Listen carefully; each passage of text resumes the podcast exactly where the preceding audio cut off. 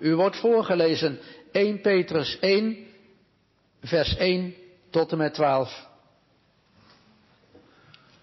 Petrus, een apostel van Jezus Christus, aan de vreemdelingen verstrooid in Pontus, Galatië, Cappadocië, Azië en Bithynië. De uitverkorenen naar de voorkennis van God de Vader in de heiligmaking des geestes, tot gehoorzaamheid en bespreiding des bloeds van Jezus Christus. Genade en vrede zij u vermenigvuldigd. Geloofd zij de God en Vader van onze Heer Jezus Christus, die naar zijn grote barmhartigheid ons heeft wedergeboren tot een levende hoop door de opstanding van Jezus Christus uit de doden. Tot een onverderfelijke en onbevlekkelijke en onverwerkelijke erfenis, die in de hemelen bewaard is voor u.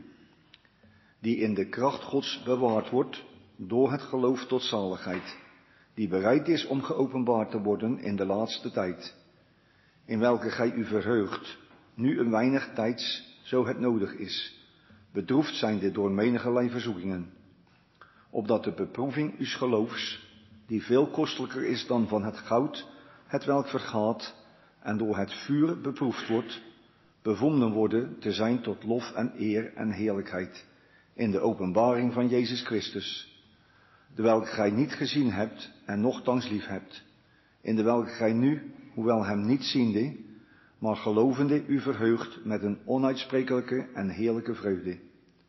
Verkrijgende het einde uws geloofs, namelijk de zaligheid der zielen, van welke zaligheid ondervraagd en onderzocht hebben de profeten, die geprofeteerd hebben van de genade aan u geschied. Onderzoekende op welke of hoedanige tijd de geest van Christus, die in hen was, beduidde en tevoren getuigde het lijden dat op Christus komen zou en de heerlijkheid daarna volgende, de welke geopenbaard is dat zij niet zichzelven, maar ons bedienden, deze dingen die u nu aangediend zijn bij degenen die u het evangelie verkondigd hebben, door de Heilige Geest, die van de hemel gezonden is, in welke dingen de engelen begeerig zijn in te zien. U mag de derde, het derde vers ouderling nog een keer lezen. Dat is de tekst. En u is voorgelezen uit de Statenvertaling. Ik zal straks spreken met een herziene Statenvertaling, maar dat is geen verhindering. Maar ik laat u het derde vers nog een keer lezen, want dat is de tekst voor de preek. Geloofd zij de God en Vader van onze Heer Jezus Christus, die na zijn grote barmhartigheid ons heeft wedergeboren tot een levende hoop door de opstanding van Jezus Christus uit de doden. Dank u wel. De vrucht van Christus opstanding. Dat heb ik als thema boven de preek geschreven. De vrucht van Christus opstanding. En in de tekst, vers 3, horen we eerst over grote barmhartigheid. Als tweede horen we over nieuwe geboorte. En als derde horen we over levende hoop. Het gaat over de vrucht van Christus opstanding. En we horen in onze tekst en in dit gedeelte over grote barmhartigheid, nieuwe geboorte en een levende hoop. En daar staan we in de preek bij stil, we luisteren daarnaar, we overdenken het met elkaar met de hulp van de Heilige Geest. Gemeente van de Heer Jezus Christus, ja, zijn wij zo'n gemeente van de Heer Jezus Christus. Denken we nog terug aan het paasfeest. Bij de liturgie had ik een aantal vragen bij de preek meegestuurd. Ik weet niet of dat hier op de website staan, anders zou u ernaar kunnen vragen. Maar toen begon ik met vragen over dit schriftgedeelte en eindigde ik met de vraag, en die is eigenlijk wel het belangrijkste. Mag u, mag jij terugzien op de opstanding van de Heer Jezus Christus? Of heel eenvoudig gezegd, denken jullie jongens en meisjes nog aan het paasfeest? Misschien heb je met paasfeest een tekening gemaakt. Wat was het mooiste wat je op die tekening rondom het paasfeest de opstanding van de Heer Jezus hebt getekend en waar zou je nu nog aan terugdenken? Het kan ook zijn dat we aan hele, heel veel andere dingen terugdenken. Het overlijden van een gemeentelid op die paasmorgen. Voor ons gezin, onze familie was dat ook. Op de paasmorgen het overlijden van een opa, vader en schoonvader. Dan kunnen we terugdenken met verdriet, met droefheid en dat mag ook. Maar als we terugdenken aan paasmorgen, dan hoop ik dat er ook blijdschap, een diepe hartelijke vreugde in ons hart is, waaraan we aan terugdenken en waaraan we steeds mogen blijven denken. Daar gaat het eigenlijk over in de Petrusbrief, in de eerste brief van Petrus. En eigenlijk is dat verbazend en verwonderlijk hoeveel en hoe mooi heeft Petrus terugkijkend op de opstanding van de Heer Jezus geschreven in zijn eerste brief. Vorige jaar stond ik na het Pasen stil bij dat tweede hoofdstuk, een levende steen. Petrus die met Johannes naar het graf was gegaan en de steen was afgewenteld, kijkt terug op het gebeuren van de Heer Jezus, ook zijn lijden en ook zijn sterven, maar ook zijn opstanding. En hij zegt, ja, die steen is weggewenteld voor het graf vandaan, maar nou moeten wij ook als een levende steen op dat fundament in Christus gebouwd worden.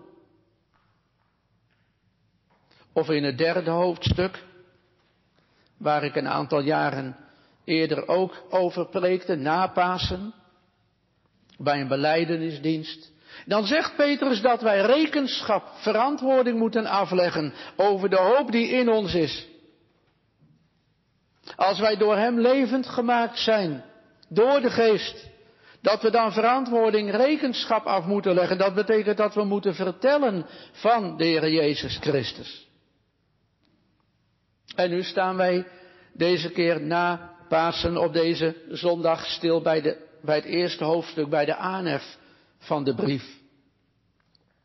De aanhef die Petrus schrijft aan de vreemdelingen en degenen die in verstrooiing zijn in Klein-Azië.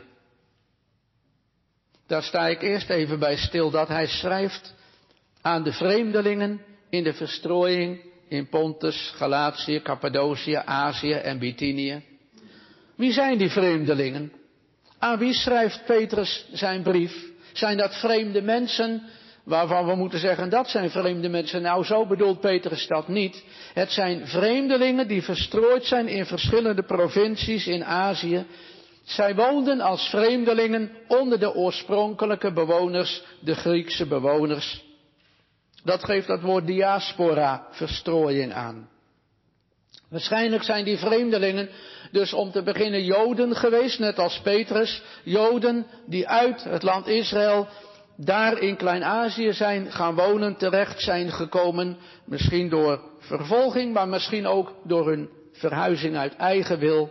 Ze zijn daar als vreemdelingen onder de heidenen, onder de Grieken gaan wonen. Joden die buiten het land woonden, misschien wel op de eerste Pinksterdag nog in Jeruzalem waren. Want in Handelingen 2 vers 9, daar lezen we een heel aantal plaatsen en provincies genoemd, die ook in 1 Petrus 1 vers 1 terugkomen. Vreemdelingen, Joden die in die provincies Pontus, Galatië, Cappadocië, Azië en Bithynië zijn gaan wonen. Maar de vreemdelingen zijn misschien ook niet-Joodse christenen, dus christen geworden uit de vreemdelingen, uit de Grieken.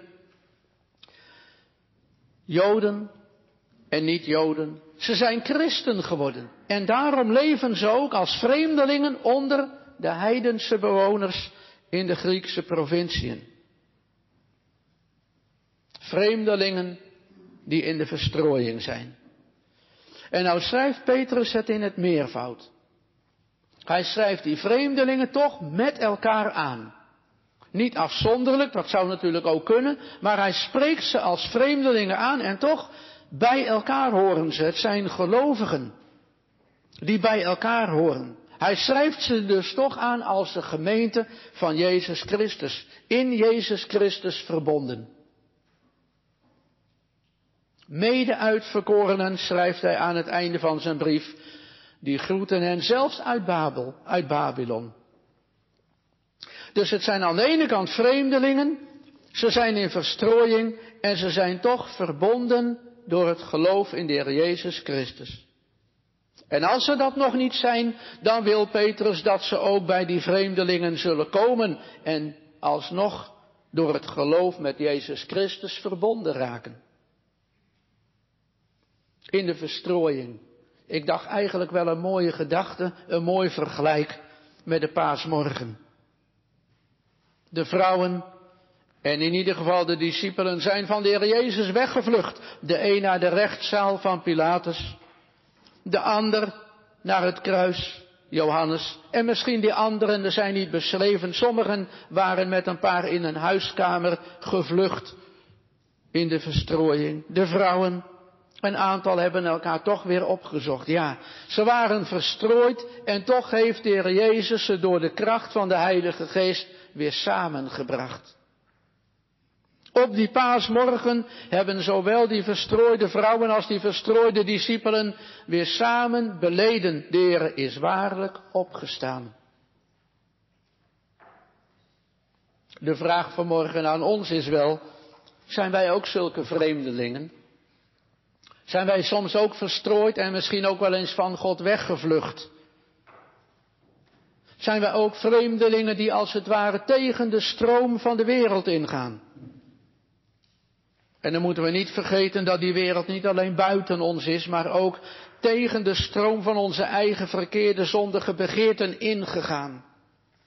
En daardoor worden we, worden we vreemdelingen. En daardoor voelen we ons wel eens verstrooid op de vlucht gejaagd. En dan toch, op deze eerste dag van de week, op deze zondag weer opnieuw als gemeente samengebracht. Of bent u niet niet werkelijk een discipel van de Heer Jezus? Bent u niet werkelijk een vrouw die de Heer Jezus volgt? Bent u nog ongelovig gebleven? Twijfel jij nog zo sterk of dat de Heer Jezus wel is opgestaan, of dat Hij wel gestorven is voor jouw zonden? Laten wij van Petrus deze brief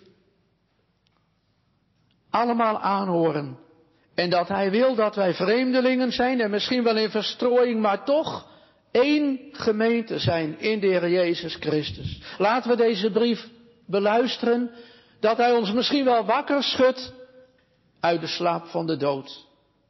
En dat Hij ons wijst op het leven, die levende hoop.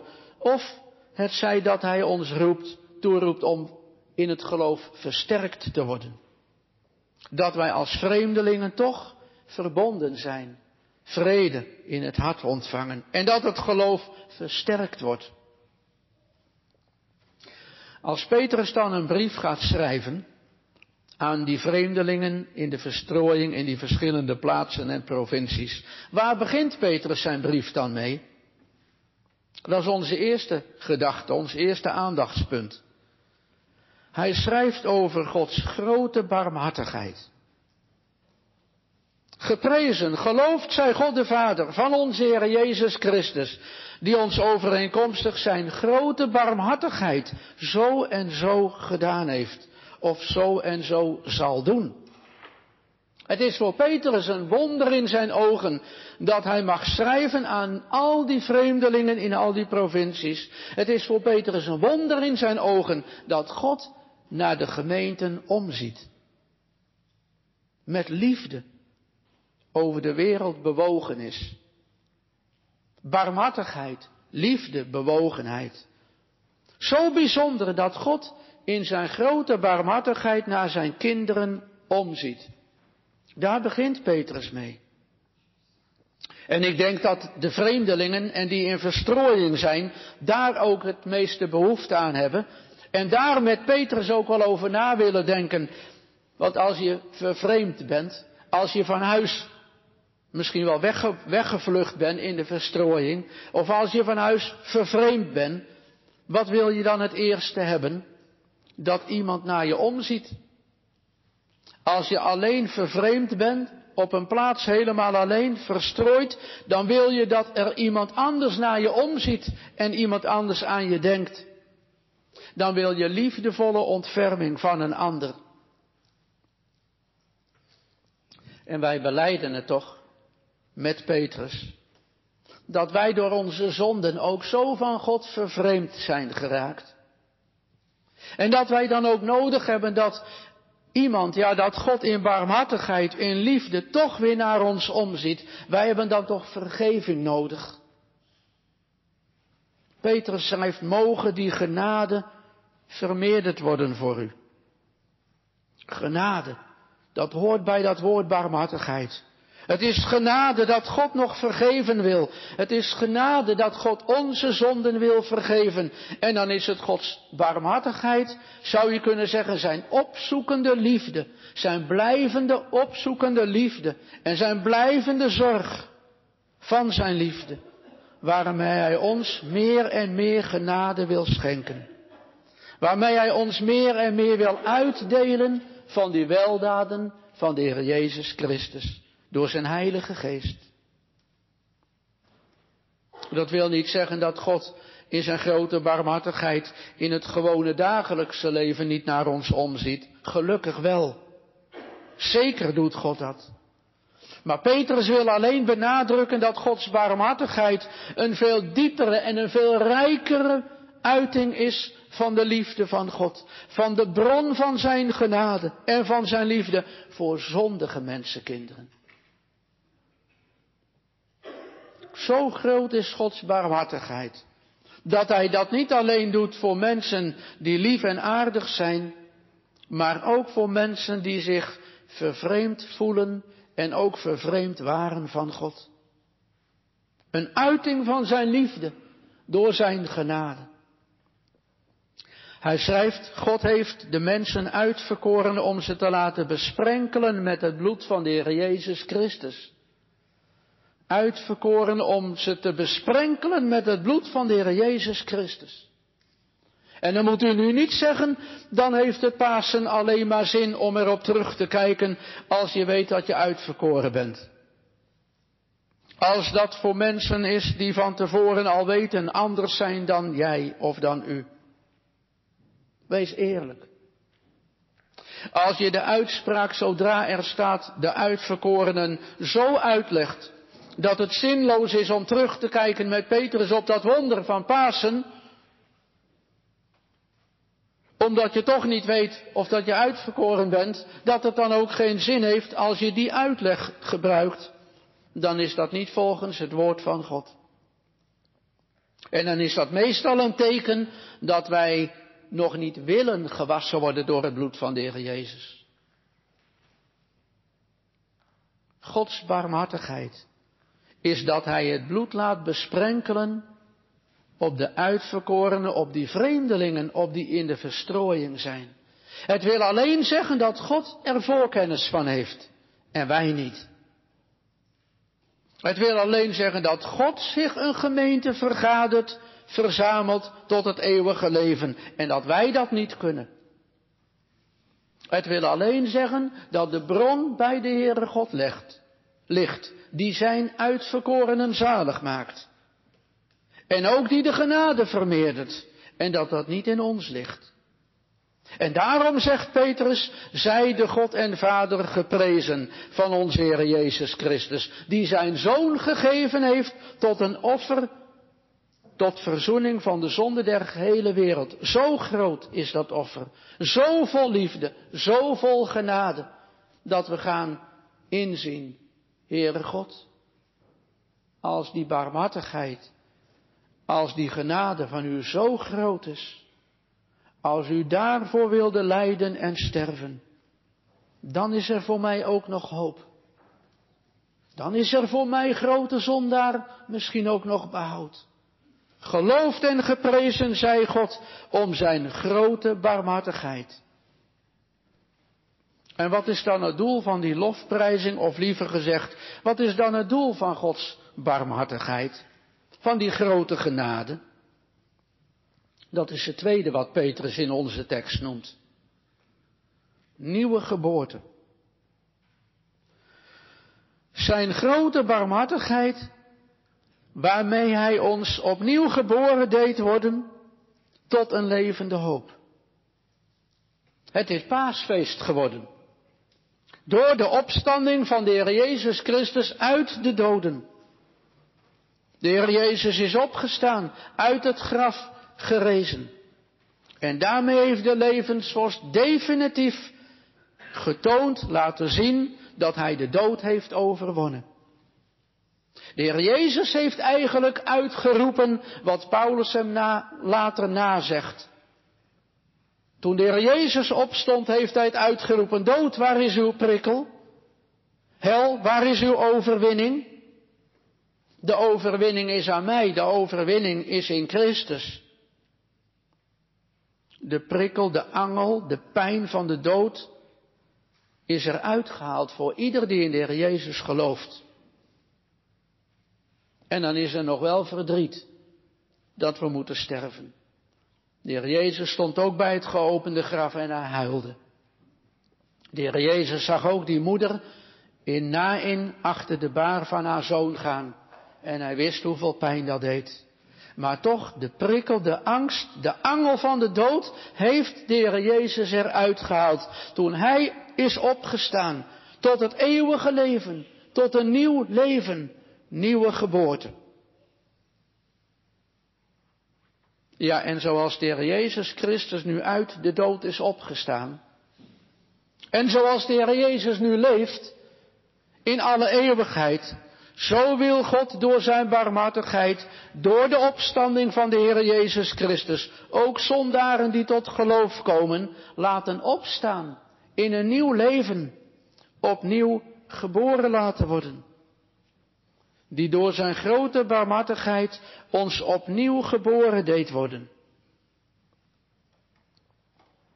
We hebben voor het Pasen, u zeker ook wel denk ik hier, overdacht hoe de Heer Jezus ging lijden in de hof van Gethsemane.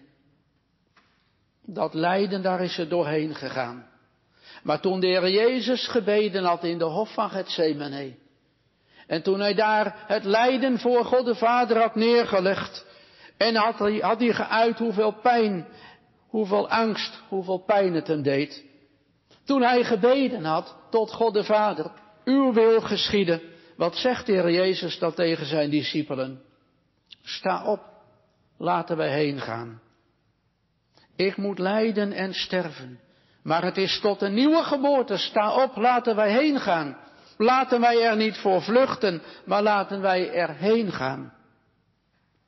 En op de paasmorgen, wat heeft de Heer Jezus daar tegen de vrouwen gezegd? Door de mond van de engel, maar later ook zelf en tegen zijn discipelen, maar vooral ook tegen de vrouwen. En op die paasmorgen klonk de stem van de Heer Jezus, sta op, ik zal u voorgaan naar Galilea. Ga heen, zeg het mijn discipelen, en laat ze opstaan. Laat ze heen gaan naar Galilea.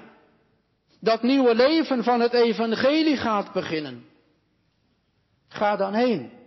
Verkondig dat evangelie aan al de volken. En dat evangelie, van die nieuwe geboorte is uitgegaan. Tot in de gemeente van de vreemdelingen, tot in de gemeente van degenen die verstrooid waren toe.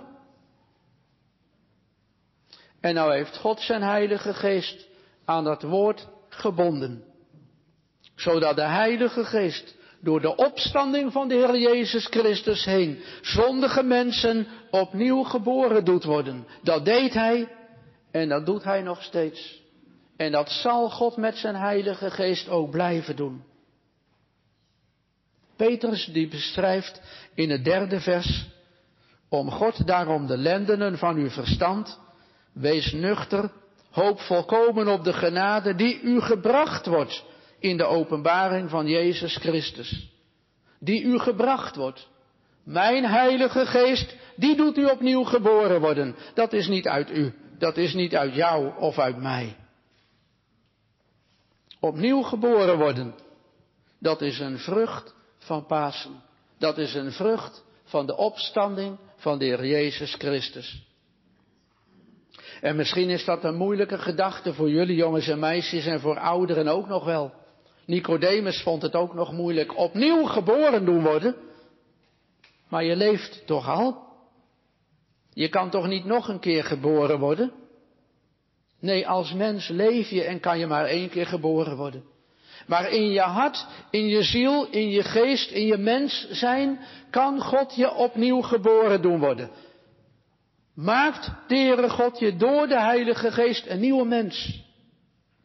Dan zeg je als Paulus, niet ik meer leef alleen, maar Christus, de Jezus, leeft in mij. Opnieuw geboren worden, zo noemt de Heer Jezus het zelf in het gesprek met Nicodemus. Alleen als we opnieuw geboren worden, kunnen we in het koninkrijk van God ingaan. Alleen als we opnieuw geboren, wederom geboren worden, kunnen wij opstaan in een nieuw godzalig leven.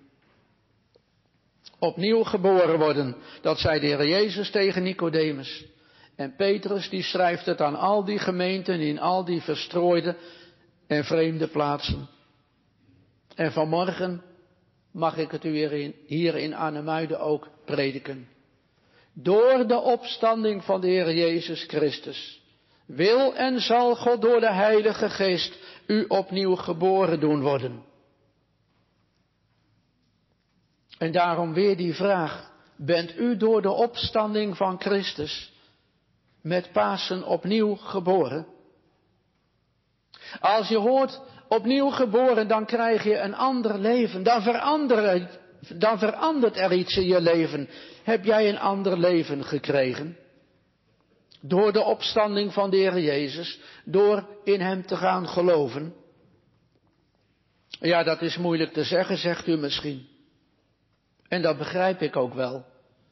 Omdat het iets is van God en niet van onszelf. Wij kunnen dat niet doen, wij kunnen dat niet maken. Maar Petrus, die op die paasmorgen de Heer Jezus heeft gezien en dat de Heer Jezus is opgestaan, die kon het ook niet direct begrijpen. En die kon het ook niet direct uitleggen. Maar in zijn brief, zoveel jaren later, schrijft hij er wel over. En noemt hij het wel. Door de opstanding van de Heer Jezus Christus deed hij ons opnieuw geboren worden.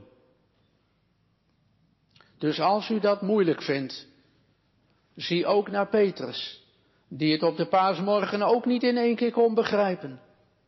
De vrouwen kwamen het zeggen, maar Petrus begreep het niet en wilde het niet geloven. Hij moest opnieuw zelf naar het graf gaan. En zelfs is de Heer Jezus aan Petrus verschenen, apart. Misschien dat Petrus het anders niet kon geloven. Maar zo wil God ook in uw hart komen. Zo wil God ook aan jou zeggen dat hij is opgestaan. Hij heeft geleden en hij is gestorven, maar hij is ook opgestaan. En hij wil ook u, jou, opnieuw geboren doen worden. Maar wat is dan die nieuwe geboorte? Misschien zeg je, wat is dan het gevolg van dat opnieuw geboren worden? Dat nieuwe leven, ook hier en nu. Ten dele het begin hier en nu. Nou, dan denk ik aan een van de categorisatielessen, een van de laatste categorisatielessen, waarin het ging over Christus, de hoge priester. Onze enige hoge priester, die dat offer heeft gebracht. Zijn lijden en sterven. Tot verzoening van onze zonden. Anders kan het nooit. Maar weet je, in die serie van die categorisatielessen in zo'n PowerPoint kwam een schilderij naar voren. Waarop de Heer Jezus hing. En dan kan je gaan discussiëren of dat dat wel of dat dat niet mag, dat laat ik nu rusten. Daar hing de Jezus tussen twee misdadigers in. En boven dat schilderij was op een tentoonstelling geschreven, dit deed ik voor jou. Wat doe jij voor mij? En toen stond erbij dat een man in Düsseldorf, die stond bij dat schilderij. En die man was Nicolaas van Zinsendorf, later een heel bekende man van de hernutterzending. Maar die zag dat schilderij en die las die opdruk. Dit deed ik voor jou. Ik stierf voor jou. Wat deed jij voor mij? Wat doe jij voor mij? En toen hij dat las, toen gaf hij zich over aan de Heer Jezus Christus. Toen wilde hij zijn leven in dienst stellen van de Heer Jezus. Toen kwam er iets van de Heilige Geest in het hart van die Nicolaas van Zinsendorf, waardoor hij zag, daar hangt de Heer Jezus voor mij. En daardoor werd hij opnieuw geboren. Hij gaf zijn leven over aan de Heer Jezus. Dat deed hij niet zelf uit eigen kracht, uit eigen macht, maar dat deed hij doordat de, de Heilige Geest hem, de Jezus, liet zien en dat hij erover na ging denken, dat hij erover ging mediteren en dat hij zag, dat is mijn zaligmaker. Opnieuw geboren worden tot een nieuw leven. Dan komt de Jezus in je hart. En dan geef je je over aan de Jezus. Dan besef je hoeveel Hij voor jou, voor u en voor mij gedaan heeft. Maar dan sta je ook op om iets voor Hem te doen. En dat vinden we misschien vreemd. Iets doen voor Jezus, lijkt dat dan op zelfverlossing? Nee, totaal niet. Het is door, zoals Petrus het hier schrijft, door de heiliging van de Heilige Geest in het tweede vers tot gehoorzaamheid. Het is door de Heilige Geest tot gehoorzaamheid van de Heer Jezus Christus. En wat gebeurt er dan als je opnieuw geboren wordt? Dan zegt Petrus, dan ga je bepaalde dingen niet meer doen en andere dingen juist wel. Dan schrijft hij in het vervolg, word als gehoorzame, heb je wil dat gehoorzame, geloofsgehoorzaamheid, word als gehoorzame kinderen niet gelijkvormig aan de begeerten die vroeger, in de vroege tijd van uw onwetendheid, van uw ongeloof waren. Eigenlijk die begeerte toen je nog zonden deed. Toen je nog niet wist van de opstanding van de Heer Jezus. Laat die begeerte niet meer in je zijn. En dat wordt, als je opnieuw geboren wordt, dat wordt je strijd. Om die zondige, verkeerde begeerte niet meer te doen. Daar wil je en daar moet je mee breken, zegt Petrus. Maar, zegt hij dan, opnieuw geboren worden, dat is zoals hij die u geroepen heeft heilig is, wordt, wordt, ook, wordt zo ook zelf heilig in uw levenswandel. Dat is de vernieuwing. Opnieuw geboren worden. Dat je ernaar gaat jagen, zegt Paulus, om heilig te leven in uw, in jouw levenswandel. Zie je, dan ben je een vreemdeling voor heel de wereld om je heen. Dan ga je niet vreemd doen, niet als een apart mens, maar dan ga je anders doen als de wereld. En dat begrijpt de wereld niet zonder God. Dan ben je een vreemdeling. Je hoort dan bij de volgelingen van de Heer Jezus. En dan zeg je vanmorgen misschien, maar wat zou ik dan anders moeten gaan doen? Maar dan geef ik u het antwoord dat u dat zelf het beste weet. Want dat zal de Heilige Geest, dat zal God door het woordje wel duidelijk maken. Als je de Heer Jezus hoort en ziet, dit heb ik voor jou gedaan. Wat doe jij voor mij? Kijk, Petrus die dacht, dan moet ik de Heer Jezus niet meer gaan verloochenen. Dan moet ik de Heer Jezus eerlijk gaan beleiden. En zo heb u, zo heb jij, zo heb ik zelf ook, ongetwijfeld. Als dat woord van God inslaat in ons leven, dan weten wij precies wat wij niet meer moeten doen. En wat wij wel moeten doen. We kunnen het niet in eigen kracht. Die nieuwe geboorte is een kracht vanuit de Heilige Geest. Een kind kan zich ook niet zelf geboren laten worden. En een kind kan ook niet zelf groeien. Daar heeft het hulp bij nodig. Van moeder, van vader. Zo is het dus ook niet vreemd dat wij opgeroepen worden tot een heilige levenswandel. Dat is geen eigen werk, maar dat is Gods werk. Vernieuwing, heiliging in de levenswandel. Het laatste, het derde, dat laat ik niet achterwege. Wat doen wij als we terugzien op Pasen? Waar denken wij dan aan? Maar we moeten ook vooruitzien, zegt Petrus. Die nieuwe geboorte is tot een levende hoop. En de hoop is iets wat je nog niet hebt, nog niet volkomen hebt, maar waar je naar uitziet. opnieuw geboren tot een levende hoop. Dat is dus niet misschien. Dat is dus niet, ik weet het nog niet.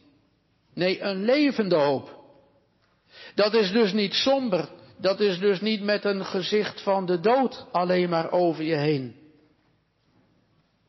Dat is een levende verwachting van het leven van de Heer Jezus Christus. Ja, want de Heer Jezus is opgestaan en hij leeft. En vervolgens is het ook iets wat nog in de toekomst ligt. De Heer Jezus is opgestaan in volmaakte heerlijkheid. En hij is heen gegaan in die hemelse heerlijkheid. Maar wij zijn nog vreemdelingen op deze aarde, soms ook in verstrooiing. Maar die levende hoop, dat is in het hart de gedachte en Gods belofte. Dat we eens met Hem verenigd zullen zijn. Eens met Hem zullen opstaan na het sterven in een eeuwig leven bij God en met God in de hemel. Hier schrijft Petrus, en we weten het maar al te zeer, is alles nog vergankelijk. Hier gaat alles nog voorbij. Hier is het nog bevlekt met zoveel zonden. Steeds weer in zonde vallen. Maar dan niet in die zonde blijven liggen. En dan ook niet aan Gods liefde en genade twijfelen. Want die barmhartigheid, die genade was toch zo groot. Maar opstaan, steeds weer opstaan in dat nieuwe leven. Totdat die onvergankelijkheid komt. Totdat die onbevlektheid komt.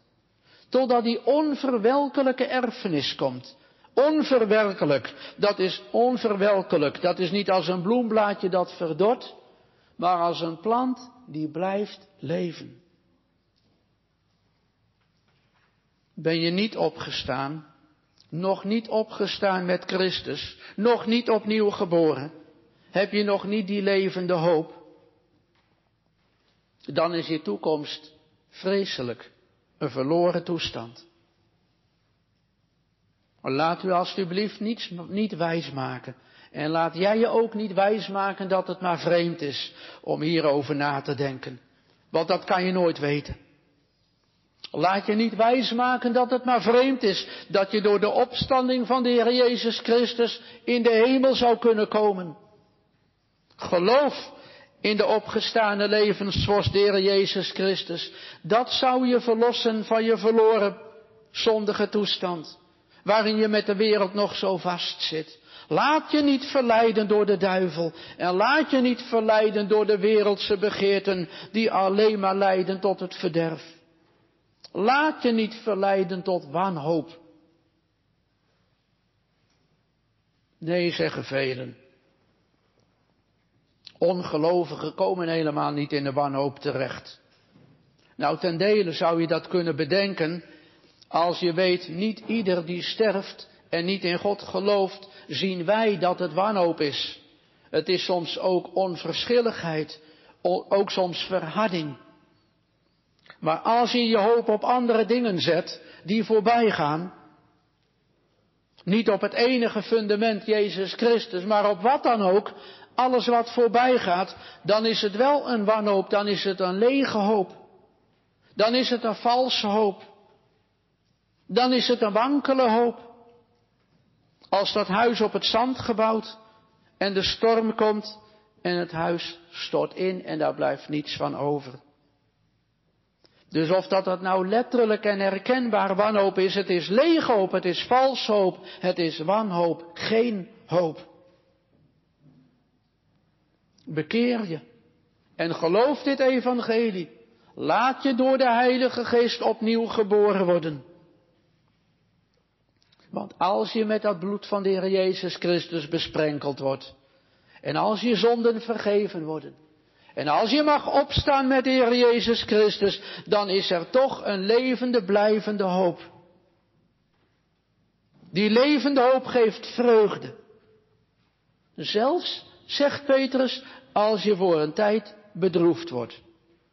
Voor een korte tijd ben je soms bedroefd. Als het nodig is, zegt Petrus. En wij begrijpen dat soms niet. En wij worstelen ook met het feit dat sommigen zo lange tijd soms door beproeving en verdrukking heen moeten gaan. Maar denk dan aan de discipelen en de vrouwen. Petrus als een van die discipelen. Wat was hij voor een korte tijd bedroefd? Wat had hij zijn meester verlogend? En wat was hij gevlucht? Wat was hij in de verstrooiing terechtgekomen? Zal het nog wel goed komen? En toch gaf God die levende hoop. De heer Jezus die zei, Petrus, ik heb voor u gebeden dat uw geloof niet ophouden. En misschien heeft Petrus daar toch aan blijven denken. Die levende hoop. En toch was er een vreugde, een diep verlangen in Petrus hart om hoe eerder, hoe liever weer naar zijn meester, naar de Jezus te gaan. Petrus, die het ook mocht horen van de Heer Jezus, dit heb ik voor u gedaan. Wat doe jij voor mij? Vreugde, levende hoop, omdat ze wisten dat geen vijand hun geloof en daarmee de verbondenheid met de Heer Jezus Christus kon losmaken, kon verbreken, kon, kon afnemen. Vreugde, dat is een levende hoop, al is er soms nog zoveel verdriet, dat de Heer Jezus troost en dat God bemoediging geeft. Zou je zo na Pasen, na het Pasen willen leven, iedere zondag, iedere dag? Kijk je zo terug, denk je zo terug aan het paasfeest? Probeert u zo te leven na het paasfeest? Dit wil God namelijk geven door de opstanding van de Heer Jezus Christus. Dat we niet, niet, dat we niet mismoedig, niet ontmoedigd, niet moedeloos blijven, maar met een levende hoop. Kan dat?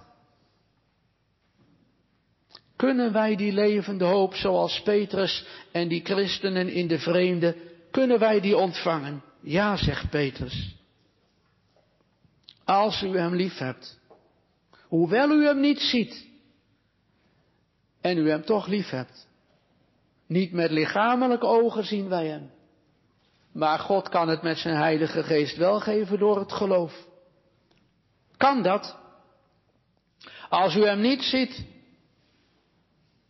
dat u toch in hem gelooft en dat u zich verheugt met een onuitsprekelijke en heerlijke vreugde. Dus het kan, zegt Petrus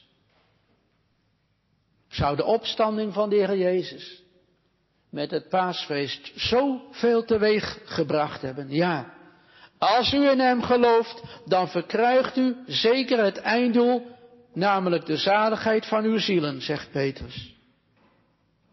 Dat is en blijft toch een wonder. Dat de Heer Jezus zich gegeven heeft voor zondaren zoals u en jij en ik. Dat Christus zijn leven gaf en dat wij daardoor zoveel ontvangen. Zoveel genade, zoveel barmhartigheid. En dat Hij betaling gedaan heeft voor uw zonden. Begrijp je dan? Denk beter dat de discipelen zeer verblijd waren toen ze de Jezus zagen. En daarom mag de gemeente van Jezus Christus zeer verblijd zijn als ze door het geloof niemand anders zien dan Jezus alleen. En hier schrijft Petrus dat het een levende hoop is. Hij had de verheerlijking op de berg gezien. Hij had de heerlijkheid van Jezus gezien toen die is opgestaan. Maar Petrus zegt, de heerlijkheid hierboven, dat is mijn levende hoop. Die verwacht ik om in te gaan in de hemelse vreugde. Denkt u ook zo terug aan Pasen? Denk jij ook zo nog wel eens terug aan dat paasfeest, misschien wel met de club of de zondagschool? Denken wij zo aan Pasen? Hij betaalt voor onze zonden. Opdat Hij ons opnieuw geboren wil doen worden met een blijvende, levende hoop. Om dan eenmaal na het sterven voor eeuwig bij de Here te zijn. Amen.